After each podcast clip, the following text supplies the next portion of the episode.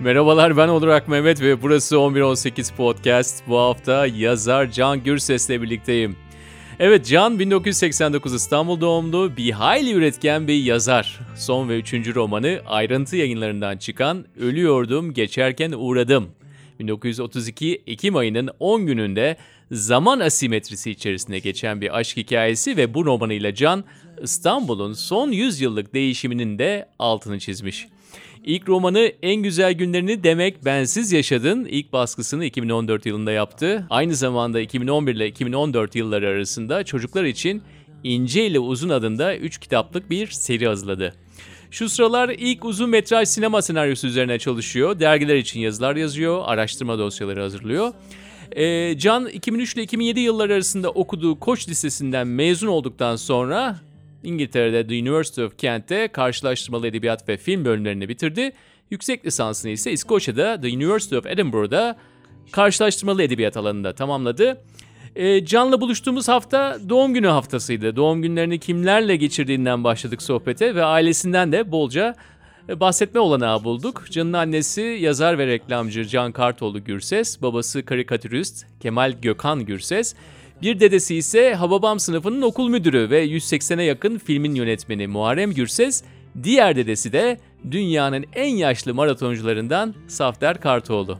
Ha bu arada biyografik bilgileri veriyorum her zaman gibi ama her hafta olduğu gibi bu kayıtta da bir ana ve bir güne gideceğiz. Can'ın lise yıllarından bir güne. Buyurun dinlemeye diyorum.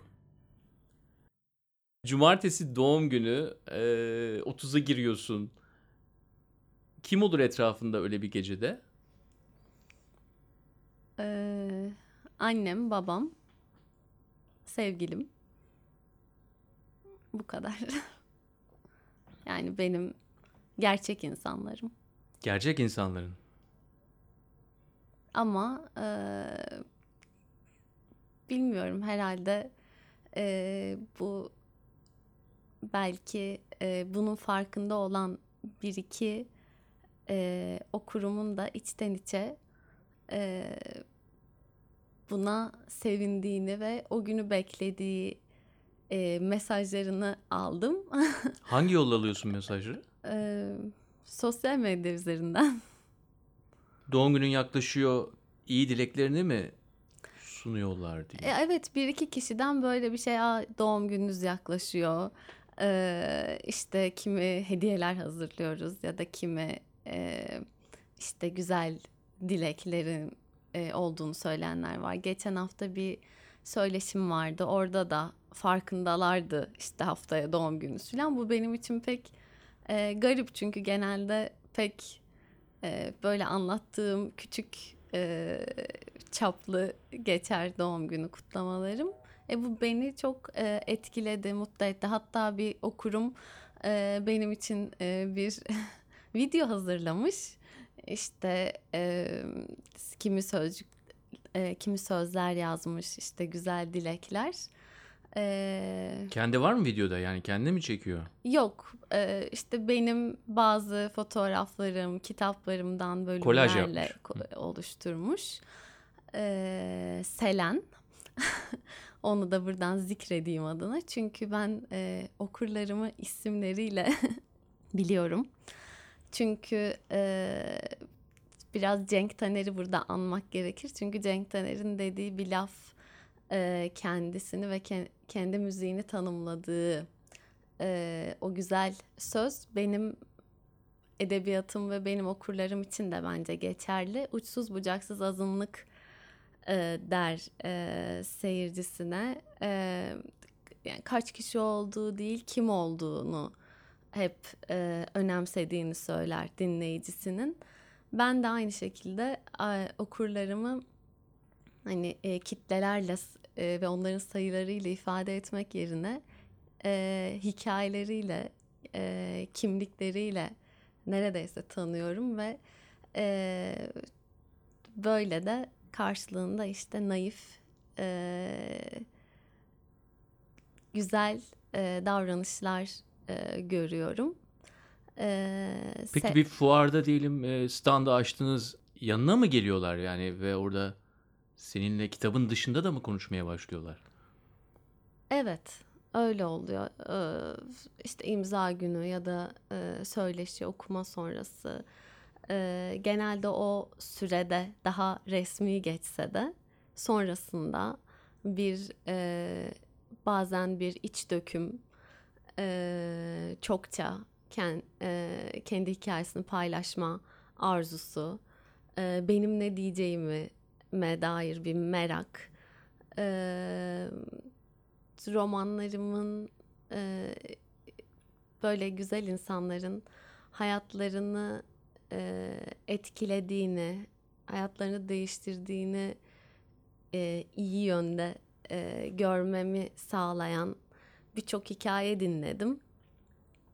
Onun içinde e, anlam kazanıyor e, yaptığınız iş. Yani ben o e, kit, kitabı okur o kitap okurun olana kadar aslında hiçbir işlevi yok. Yani beni hayatta tutuyor o ayrı. Küçük bir işlev. Ama e, daha çok insanı hani başka biri için bir şey yaptığınızda daha e, kutsal ve işlevsel olduğu için üretim e, benim için en azından e, o insanın olduğu an kitap ve onun ona bir şey yaptığı an on, ona iyi geldiği ihtiyacı olan şeyin bu olduğunu e, böyle bir işe yaradığı an o zaman bu deliliği yapmış olmaya değiyor. Senin yaptığın deliliği. Evet, roman yazma deliliğini. Çünkü gerçekten akıl kârı değil. Yani yıllarca gerçek olmayan bir şey üzerinde bu kadar ince ince çalışıp o dünyada yaşayıp hem o dünyada yaşarken bu dünyada da yaşamayı idare ettirmeye çalışmak e, hangisinin daha gerçek olduğunu bazen karıştırmak ve e, bu gerçek olmayan dünyayı en gerçek kılmak için gerçek dışı yollara başvurmak falan gibi çok e, akılın e, gidip geldiği böylece belki yerine oturduğu bir iş e, bazen gerçekten ne yapıyorum dedirtiyor. E, korkunç bir yalnızlık ve e, karanlık gerektiriyor. E, e, kalabalıklaşınca, aydınlığa çıkınca ve o kalabalığın da az önce dediğim gibi uçsuz bucaksız bir azınlık tarafından oluşturulduğunu e, ve bu kadar güzel e, hayatın içinde e, hayata dönüştüğünü daha doğrusu görmekte e, her şeye değiyor. Peki yazarken onu düşünür halde buluyor musun kendini? Yani şimdi üçüncü romanını çıkarmış birisi mesela yazım süreci sırasında bir sonrakinde artık tahmin edebilir duruma gelir. Ee, neyi? Mesela bunu bitirince bu o azınlığa ulaşacak ve oradan bana pozitif sinyaller gelecek. Ee... Yani bir şekilde maliyetin ileride sana bir girdisi olacağına dair. Aslında bu e, çok ilginç. Şimdi benim de e, fark etmemi sağlayan bir şey. E, ben ilk romanımı En Güzel Günlerini Demek Bensiz Yaşadığını yazarken ikinci zaten yayınlanmamış bir yazarım. E, bir sürü e, beklentim, düşüncem, hayalim var. Ve e, henüz o yayınlanmamışken ya da yayınlanamıyorken ikinci romanım Kırık Beyaz'ı yazdım. Yani ikinci romanımı yazarken hala yayınlanmamış bir yazardım. Onun için herhangi bir tepki almamıştım. Kırık Beyaz e, çok az okura ulaştı. E, tuhaf bir şekilde biraz ilk romanın gölgesinde kaldı. İlk roman kendi okurunu oluşturdu arkada hiçbir işte e, tanıtım ya da e, ilişkiler olmaksızın işte kendi kendine ikinci baskıyı e, yaptı ve gerçekten onu ona ihtiyacı olan okuru da sanırım kendiliğinden çağırdı ve buldu. E, yani ölüyordum geçerken uğradığıma kadar e, ölüyordum geçerken uğradığımı yazarken de bu üçüncü kitabım bu arada. Üçüncü kitabım e, ben daha çok e, minik e, azar azar işte okuru olan ama ilk iki kitabın e, oluşturduğu bir çekirdek kıymetli öz okuru oluşmuş bir insandım. E, sanırım e, şimdi e, yeni romanımı yazarken e, aklımda kalbimde olur e, olacaktır e, bu insanların varlığı ama e, üretmek çok garip bir şey e, süreç. O, kimseyi düşünmüyorsunuz o an ürettiğiniz şeyden başka. E, yani bir hesap kitapla üretmiyorsunuz. E, ben hiçbir zaman öyle yapabilen biri olmadım. Olmayı da istemem. E, yani aa şu bunu beğenebilir ben şöyle bir şey yazayım düşüncesine ulaşmam. Peki Sanacı o zaman bu noktada şöyle bir soru sorayım. Yani e, bir akademik de geçmişim var. Özellikle karşılaştırmalı edebiyat konusunda hem lisansında hem yüksek lisansında bunu yaptın. Koç Lisesi'ndeki bitirme projende de var. Yani o zaman orada da mı o beklentileri hiçbir şekilde üretim sürecinde e, harmanlamadın veya beklentileri karşılama anlamında iyi öğrenci modelinde e, kendini bulmadın? Ya benim iyi öğrenciliğim biraz ilginç bir iyi öğrencilik. Ee, ben okullarımda hem işte o başarılı hem asi e, bir tiptim. Yani hem böyle e, kurallara uyan, bütün öğretmenlerin baş tacı ettiği, örnek gösterdiği, e, hep ad, adları zikredilen öğrenciler vardır. E, ben onlarla 3 aşağı 5 yukarı aynı notları da alsam genelde bu isimler arasında yer almam. Nedir asiliğini sağlayan ne? Ee, öncelikle e, politik e, bir duruşum oluşu. Liseden beri hele yani koç gibi bir yerde e, bunu bu düşüncelerimi dile getirme cüreti göstermiş olmam. Çünkü koç biraz daha hijyenik bir yer olarak biliniyor. Yani fazla etliye sütlüye bulaşmayalım, biz işimizi iyi yapalım. E, lisesi de üniversitesi de öyle biliniyor mesela. Evet, e, ben liseyi orada okudum. E, yatılı olarak okudum. Nasıl açıklıyordun yani politik düşüncelerini sınıfta, sınıf dışında veya Şöyleydi, yazıyla mı açıklardın? benim de editörü olduğum bir okul dergimiz vardı. Ee, ben de orada yazıyorum. Ee, Orhan Pamuk Nobel aldığında bir yazı yazdım. Ee, büyük bir sevinçle Orhan Pamuk'u büyük bir hayranıyım. Bunu her yerde söylerim. Ee, hatta bazı e, ona karşı sözler söylemeye çalışan okurlarıma da e, e, hep durdururum. yani o e, beni savunması pahasına Orhan Pamuk'un e, laf söyletmem. E, yine e, Orhan Pamuk'u savunan ve bu heyecanımı, mutluluğumu anlatan bir yazıydı. E, buna karşılık bir arkadaşımız bence tam hani bugün hani belki liberal diyebileceğimiz özelliklerde diyeyim.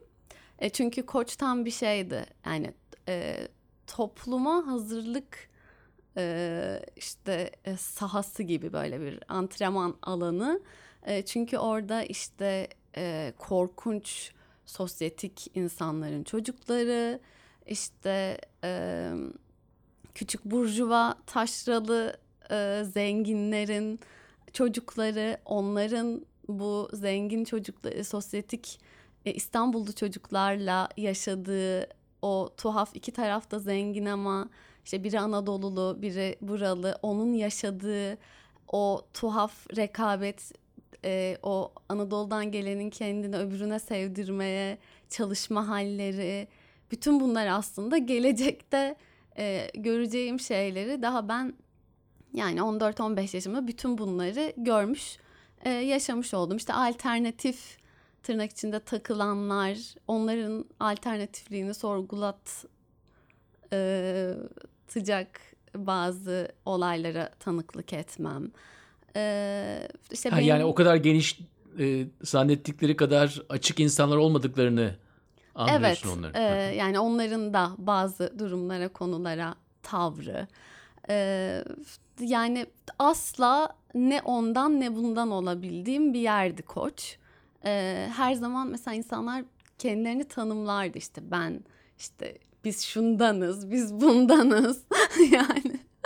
hani ben canım e, bu da hani pek iyi bir şey olarak karşılanmıyor. Çünkü işte kendi kendine bir tip işte e, kütüphanede takılıyorum. Orada duruyorum. Orada durmazsam on alınıyor. Burada durmazsam bu. Bir de ben e, lise 2'de bir e, dans gösterisi yaptım. E, o dönem e, Koç'ta okuyanlar e, sanırım hatırlar. E, biraz olay olmuştu bu gösteri. İşte e, öğretmenler tarafından çok iyi karşılanmamıştı. Biraz edepsiz bulunmuştu. Ee, Solo ki, bir gösteri miydi bu? Evet. Ya ben Müzikliydi. Evet. Müzik neydi? Söylemesem. E, burada söylemezsen hiçbir yerde söyleyemezsin. yani şu an e, çok iyi olmaz. E, söylemeyeyim. Tamam müziği bırakalım ama e, edepsizliği herhalde e, şiddet şöyleydi. açısından değil ha, seks yok. açısından söylüyoruz değil mi? kırmızı kısaca bir elbise giymiştim ee, ve inandığım şekilde dans ettim. Hı hı. Ee, işte karşımda bir balerin vardı rakip olarak. Ha bu, bir, bir yarışma show. aynı zamanda. Evet. Bir talent show tamam. Ee, her yıl yapılan bir şey. Ben de artık ne akla hizmet böyle bir şeye katılıyorum. Her zaman dans ederim, dans etmeyi çok severim. Ee, bir şarkı boyunca süren bir gösteri. Bir şarkı boyunca süren bir gösteri. Ee, ve okulumuzun e, dans öğretmeni e, hiçbir zaman öğrencisi olmadım. Pek yani bazı şeylerin öğretilebileceğine inanmıyorum. Ben dans eğitimi aldım. Hala da bir yerlerde bir şeyler alıyorum kendimi geliştirmek için ama çıkıp dans edecek olsam bir türde bir üslupta bana öğretilen bir şeyde bunu yapmam. Ben bunu edebiyatta da böyle yaptım. Hatta benim e, ilkokuldan başlayarak en takıştığım öğretmenlerim edebiyat öğretmenlerimdir. Kompozisyonların hep kuralları olduklarını söyler. Ben hep onlara karşı gele gele yazar oldum. Ee, yani aksi takdirde olmazdı. Dansta da öyle. Ee, ben daha yani iki yaşımdayken baleye gidiyorum. Sonra bilmem ne yapmadığım dans kalmıyor ama bütün bunlardan bedenimin kendi diliyle anlattığı bir şey var. Tıpkı edebiyatta sözcüklerle yaptığım gibi. Ben canca yazıyorum. Dansımı da canca yapmak istedim. Yani burada şu, şöyle özetleyelim. Sen kuralları öğreniyorsun. Ondan sonra kural, kuralları bozma... Evet. Akademide de ben böyleydim. Hı. Bu iyi öğrencilik çok uzaklaşılmış gibi ama aslında hepsi e, içre e, sanırım şimdi anlattıklarım. Akademide de yani e, her zaman orada da e, sonu gelmez hikayelerim var. Yani aa bu kız çok iyi bir şey yazabilecekken kafası buna yeterken neden bu bunu akademinin kurallarında yazmıyor da ille kendi deyişiyle kendi e, inandığı ifadelerle e, kuruyor. Hep bunun tabii yani bazı öğretmenler bunu çok seviyordu. Ya burada çok özgün, kendine has bir şey var. Ama dans öğretmeni öyle bir öğretmen değildi. Dans öğretmeni öyle bir öğretmen değildi. Ee, ve ben onun hiç öğrencisi olmamış oluşum zaten başlı başına bir sıkıntıydı. Ve beni da, e, gösteriden bir gün önce kenara çekip e, sen dedi eğer bu giysiyle böyle bir dans yaparsan arkadaşların bundan böyle seni arkadaşlıktan çıkarır e, şu an küfür sayılacak bir söz söyledi bana. Seni böyle tanımlarlar. E, Tahmin edebiliyoruz ne olduğunu. Evet. evet. E, ve bunu bence yapmamalısın. Bu yarışmadan çekilmelisin falan dedi bana. Şimdi bir dakika. Ben Sen 15 yaşındayım. 15 yaşındasın. Yarıştığın kişi diyelim talent show'da. Yalnızca diğer dans edenler mi yoksa herkesin? Bir kişi var. Bir o kişi. da balerin böyle tütülü. Onun öğrencisi. Nasıl bir tezat ya harika. Evet. Ee, işte sen 15 yaşında öğret öğretmenin olmayan öğretmenin sana gösteri öncesinde. Şimdi gösteri öncesi olması da aynı, aynı zamanda sansüre yeltenme oluyor öncesinde e, olduğu psikolojik için. Psikolojik bir baskı müthiş bir Hı-hı. şekilde. İşte e, ben dinledim dinledim e, hiçbir şey söylemedim. E, aksine bu beni yüreklendirdi e, benim çıkıp o dansı yapmamı. Hiçbir şey söylemedim. Gittim. Ertesi gün e, işte gösteriden önce bir prova oluyor. Herkes tek tek çıkıp o akışta ne yapacağını yapıyor. Sıra bana gelmişti. O da orada oturuyordu. Ee, şey dedi bana. Hala hala yani oradan en azından gü, gü, gülerek yap. Ee, bari bir sempatik ol filan gibi böyle garip bir şey söyledi. Ee, yani gülerek dans etmek de hani gerçekten saçma bir şey. Ee, bilmiyorum bana komik gelen e, bir şey öyle de bir dans değildi yani. Ondan sonra hala bir şeyler söylüyordu. Ben de o sırada artık dayanamadım ve müzik diye bağırdım. İşte hazır olunca söyleyin demişlerdi çünkü. Ondan sonra o da salondan çıkmıştı. Benim provamı falan izlemedi. Sonra gösteri işte e, günü geldi. E, anı geldi.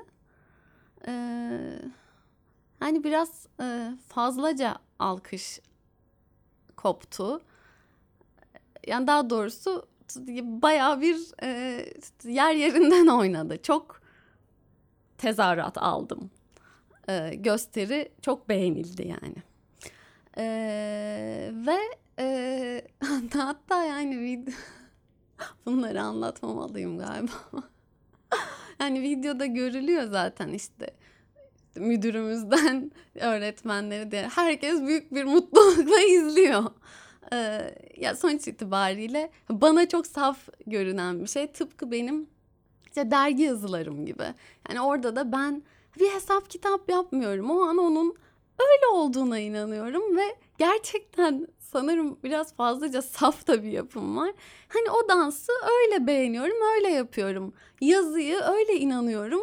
Çıkıyorum öyle yazıyorum ve öyle yayınlatıyorum dergide de. Böyle bir şey ve e, bu e, insanları rahatsız ediyor. Çünkü bazı insanları rahatsız ediyor. Evet.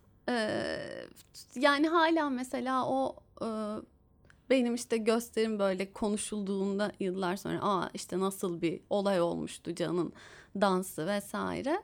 E, sonradan ben algılıyorum ki o dönemki bazı arkadaşlarım da aslında bunlar rahatsız.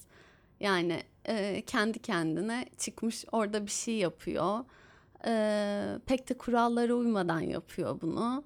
E, yani o olan ilgiden de hani ne oldu? Hiçbir şey olmadı. Ben alkış aldım, e, beğenilen belki de e, bir şey. Ha tabii sonunda yarışmayı diğer kişi kazandı. yani her e, zaman olduğu gibi. Jüri galiba seyirci jürisi değildi yani. E, evet. Öğretmenlerle hatta oluşan yani bir jüri o vardı. sırada da bir kıyamet koptu o açıklanınca. İşte can can diye bağırıldı edildi. Ee, yani bu sanırım benim ömrüm boyunca hep e, yaşadığım bir şey. E, yani bu akademik eğitimden de hani çıkan bir şey. Bu iyi öğrenci olmak. Hani böyle sordunuz ya. Ee, yani benim iyi öğrenciliğim işte şey de öyle. Benim kendi yayınladığım dergide bir yazı yazıyorum ve beni müdür çağırıyor. Diyor ki veliler bundan rahatsızlık duyuyor. Ee, adım komüniste çıkmıştı o dönem. Böyle bir şey olamaz. İşte şu sözcüklerini çıkar lütfen. Ee, yani ben e, hayatımda evet belki o dansta da dediğiniz gibi bir sansür e, uygulanmaya çalışıldı. Onu e, yaparak aştım kendi inandığımı. Dergide de bu oldu ve ben e, yazımı işte yayınlamamıştım. O ne yapıyorum? İşte karşı tarafın yazısına yanıt yazdım. Bir şey ona da laf ettiler falan. Artık sonunda bir de işin ironisi yani ben bunun editörüyüm ama e, bana bu görev veriliyor. Bana e, derginin editörü olabileceğim nitelikte bulunuyorum ama ben orada yazar olarak yer alamıyorum. Ee, aynı şey yani yarışmaya katılacak nitelikteyim ama yaptığım şey e, uygun görünmüyor. Hep böyle bir e, işte var olan e, sistemin, düzenin e, kafasının dışında bir şey yapıldığında e, herhalde oluşan doğal e, tepkiler durumu. Sonunda ben artık o dergide böyle siyah basmaya falan başlamıştık böyle. Saçma sapan bir şey ama bu sansür benim e, o genç yaşımda uğradığım sansür beni çok etkiledi ve çok belirleyici oldu bende. E, çok uzun süre hiç kimseyle hiçbir şeyimi paylaşmadım.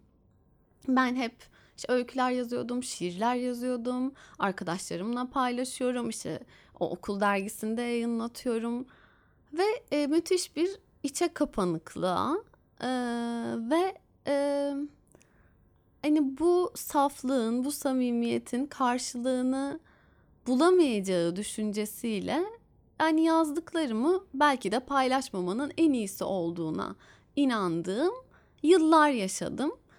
Fakat üniversitede e, herhalde yani bu o kadar uzun bir zaman aldı ki hep böyle bir süreç vardır. Dergide öyküleriniz çıkar, şiirleriniz çıkar, sonra roman yazarsınız.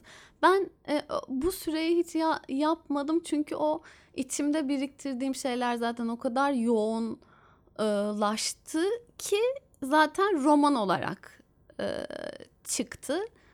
E, ama o romanda da e, bir hesap kitap yoktu. Gene aynı saflıkla ortaya çıkmış bir şey vardı. Ee, sanırım bu da benim. Belki de bunlarla karşılaşmasaydın senin romancı kimliğinin oluşması biraz daha geç olabilirdi belki. E, tabii ki evet. Ee, böyle şeyler aslında insanın kendine olan güvenini de e, pekiştiriyor. Çünkü o bir seçim yani Aa, sözünü dinleyeyim ben en iyisi bunu gülerek yapayım ya da işte ben en iyisi şu sıfatı kullanmayayım bir seçim.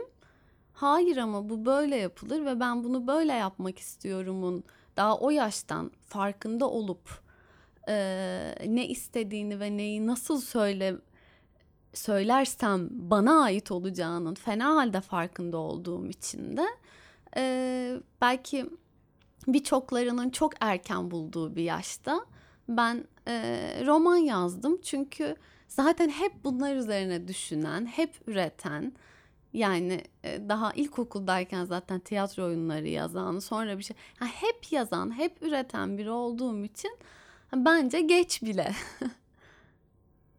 Peki bir sanatçı aileden geliyor olman burada e, sana yardımcı oldu mu bu süreçlerden geçerken? Tabii ki oldu. Olmaz olur mu? Ee, on, annemle babamın sayesinde onların her zaman bana e, sonsuz bir güven ve inanç duymasıyla e, yapabildiklerimi yaptım. Yani pekala ben şu an çok şahane bir maaşla e, özel bir şirkette çalışan e, biri olabilirdim. E, ama e, yani bu e, hatta işte öğretmenlerimin de hatırlıyorum. Aa şu okula gir. Okulun bile beni zorladı. Okulun adına, e, şanına şan katmak için şu okullara girersem daha iyi olacağına ikna edilmeye çalıştım. Ama ya ben orada okumak istemiyorum. İşte ben Virginia Woolf'un dünyadaki en güzel e, şehir Canterbury'de diye gittim Canterbury'deki üniversitede okudum. Ya benim e, kriterlerim Kent, evet, evet e, daha e, bana has, bana ait oldu ve e, çok daha farklı, herkesin daha kabul edeceği, daha belki tırnak içinde başarılı bulacağı e, ya da doğru bulacağı bir yaşamım olabilirdi. E, ama annemler asla beni böyle bir şeye zorlamadı. E, neyi yapmak istiyorsam e, onu yapmamda e, hep destekçi oldular ve e, zaten e, kendileri de yazan çizen insanlar olduğu için e, belki de böyle olmam kaçınılmazdı. Peki oradaki destek yanında e, aynı zamanda e, sen büyürken herhalde onların da hikayelerini de dinliyorsun veya anlatılıyor bazı şeyler, gün içerisinde olan şeyler. E, orada da ister istemez birçok karşılarına çıkan zorluk oluyor. E, aklına geliyor mu herhangi bir şekilde oradan böyle beslenme? Çünkü burada sanatçı ailenin bir şekilde sana sermaye oluşturmasında yalnızca tamam Can işte yapabilirsin tabii.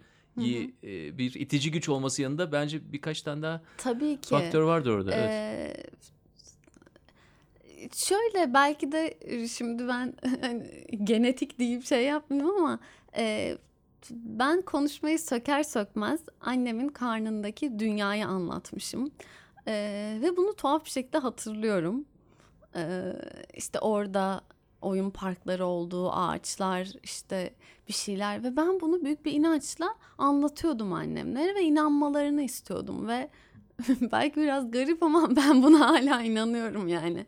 Ya Öyle bir, bir anne dünyada olduğumu. Anne karnı tahayyüllü var yani. Orada bir rahim anlatılıyor. Doğru mu ben evet, doğru anladım yani ve hala buna çocuğum.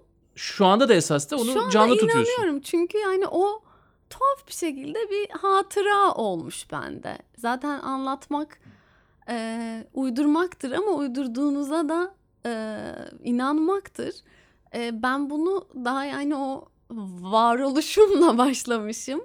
E, zaten bu bende e, tabii ki gördüğüm sonradan çevresel etkenlerle oluşmuş ve adını sanını bulmuş bir işe dönüşüyor sonunda yazarlığa dönüşüyor. Ama yapım gereği sanırım e, belki işte bir genetik aktarımla bilmiyorum. Zaten böyle e, can bulmuşum.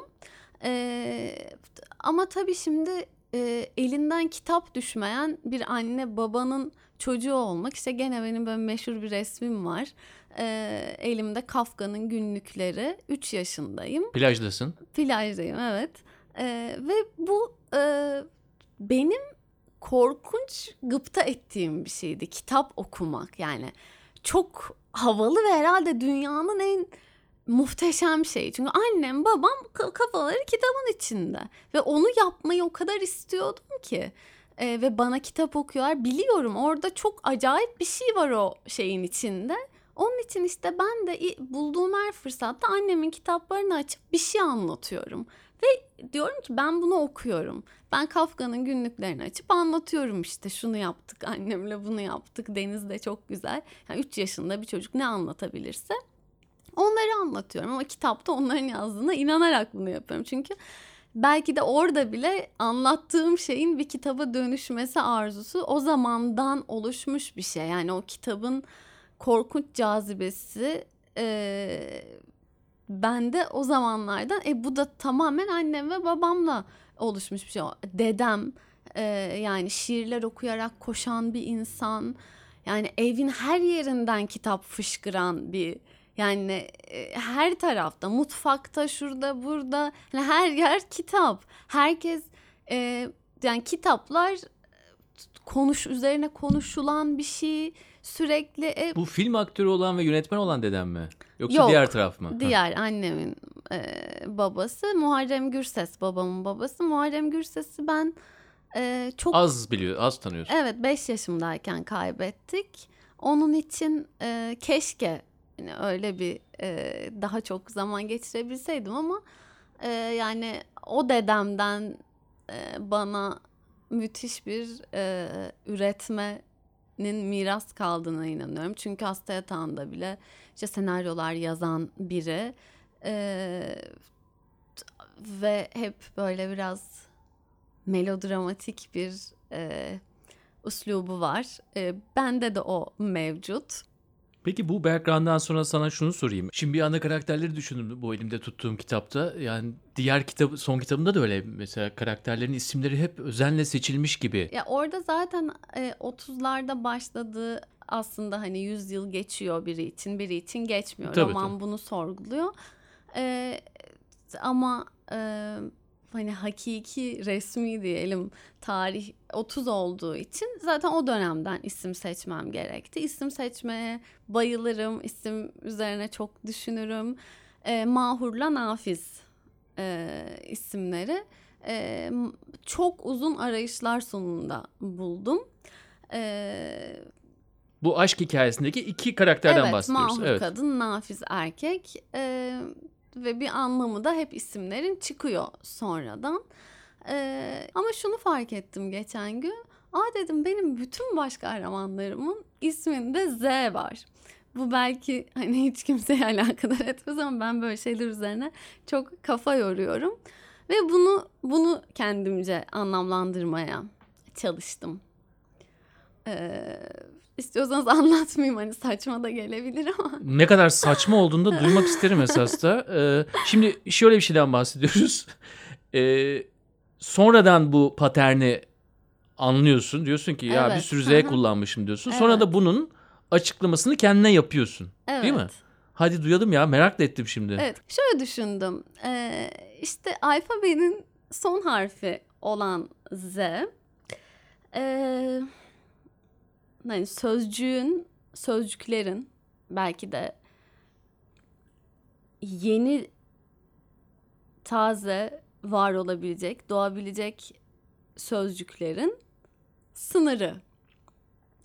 Ee, ve e, bazı ve onun da kendi içinde getirdiği bir son yani sonunu kendi içinde taşıyan sözcükler, e, Z'li isimler ve e, bu sanırım beni etkileyen hem e, ses çıkışının işte vurgusunun keskinliği kendini çok e, duyuran, e, güçlü kılan yani içinde bulunduğu isme güç katan bir şey Z.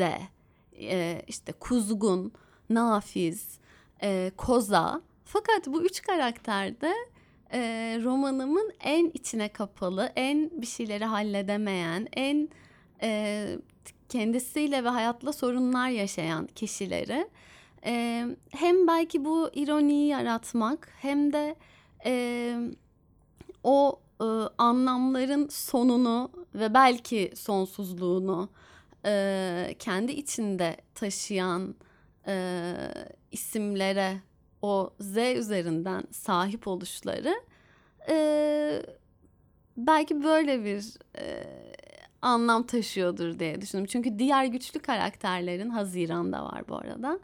E, diğer güçlü karakterlerin isimleri hep benim koyduğum çok olağan ve çok e, çok daha rahat çıkışlı isimler. E, yani sonun bilincinde olup buna rağmen e, varlık gösteren, varlık göstermek zorunda o, olan e, ve belki bunun içinde o varoluşta sorun yaşayan kişiler olduklarını düşündüm. Buna cevap verdiğin için teşekkür ederim. Çünkü kırılgan bir yerde olduğunu zaten anlatırken anlıyorum sesinin tonundan ama yine de açıkladın. Ben de tabii zurnanın son deliği dermişim. Ee, tamamen bunu e, saygısızca karşılarmışım derim ama anladım. Ee, sana şunu söyleyeyim. Ee, işlerine kolaylıkla penetre etmek kolay değil. Yani bir efor gerektiriyor. Hı. Ama aynı zamanda konuşmamızın başında mesela lisedeyken e, değişik grupların arasındaki e, dinamiği anlatıyorsun ya mesela sosyoekonomik olarak. Orada mesela gözüm açılıyor. Yani senin e, bu irdeleme ve e, çok kuvvetli bir analiz e, özelliğin var.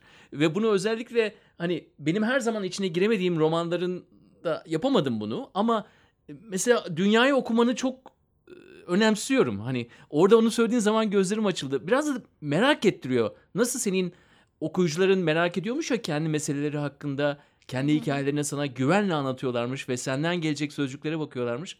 Biraz bende şu an şu var. Acaba Can şu andaki bize nasıl bakıyor? Bu şehirdeki yaşamama nasıl bakıyor? Geçtiğimiz zamana nasıl bakıyor diye merak ettim. Sanırım bunun yanıtı ölüyordum geçerken uğradığımda e, vermeye çalıştım. Çünkü İstanbul'un 100 yılını anlatmaya e, kalkışarak e, bu şehre, benim şehrime, İstanbul'a e, gönül borcumu ödemek istedim. Mesela şunu söyleyebilirim. Ben e, bu romanı yazdıktan sonra biz e, bir kıymetli bir tur rehberi ile Alimet e, ismi bir e, bir fikir geldi aklıma ve onunla konuştum ve biz bir işe kalkıştık. Benim romanımda var olan özellikle Beyoğlu üzerinde zaten Beyoğlu merkezli olduğu için bahsi geçen ve zaten e, romanda bir bölüm 30'lar, bir bölüm 40'lar, bir bölüm 50'ler böyle gidiyor ve her bölüm 10 yıla e, tekabül ediyor. 10 yılda bir güne aşıkların e, takviminde tekabül ediyor. Ve işte kız biri müzevi olduğu için zaten çıkmıyor adam. E, kız da sokağa çıktığında ertesi gün bambaşka bir şehir buluyor. Ertesi gün çıkıyor bambaşka bir şehir buluyor. Bu ben bu e, böyle bir kurgu yapmamdaki amaç hem bu şehrin e, bu kadar hızlı değişimini bu sürreal e, roman matematiğinde e, resmetmek vardı hem de işte aşkın değişmez inatçılığını e, sergilemek vardı. E, dedim ki bu e, sene beş sene kaybolan mekanları gezdireceğimiz insanlara bir tur yapalım. Yani şu an yerinde banka var, e, lahmacuncu var, bir şey var, bir tane Arapça tabelalı bir yer var. Buraları gezdirelim ve bakın burada bu vardı diye o tarihçesini anlatsın, mekanların kuruluşunu, romanda yer aldığından da eskiye dayanan işte belki 1800'lerdeki hallerini ben de romanda e, o mekanlarda geçen bölümleri okuyarak e, oranın 30'larda nasıl olduğunu duygusunu vereyim diye bir tur düşüncemiz var. Bunu sanırım Ağustos sonunda gerçekleştireceğiz. Her şeyle hazır. Çok heyecan vereceğim. Ben yaparken ağladım provasında. Çünkü gerçekten e, e, harap olmuş. Yani o tamam zaten olmayan şu an var olmayan yerleri gezmek zaten çok kasvetli ve e, hani hayal kurma olarak bakarsanız çok keyifli ama gerçeğine baktığınızda e, çok acıtıcı, çok e, insanın e, hem sinirlerini bozan hem rahatsız eden bir e, hal. E, yeniden o çirkin makyajlarının her bir şeyinin silinerek e, kendi özüne dönüştürüldüğünde e, zaten o var olan güzelliğine yeniden kavuşacağına inandığım için e, eski zamanları anlatıyorum. Eski zamanların güzel yanlarını önemsiyorum. Can çok teşekkür ederim burada benimle olduğun için. Bu öğleden sonrayı Taksim'de bu söyleşiye harcadığımız için. Ben teşekkür ederim. Ee, Beyoğlu'nda hala Beyoğlu duygusunda bir yerde oturup benim e, dünyamı e, biraz birlikte paylaştığımız için.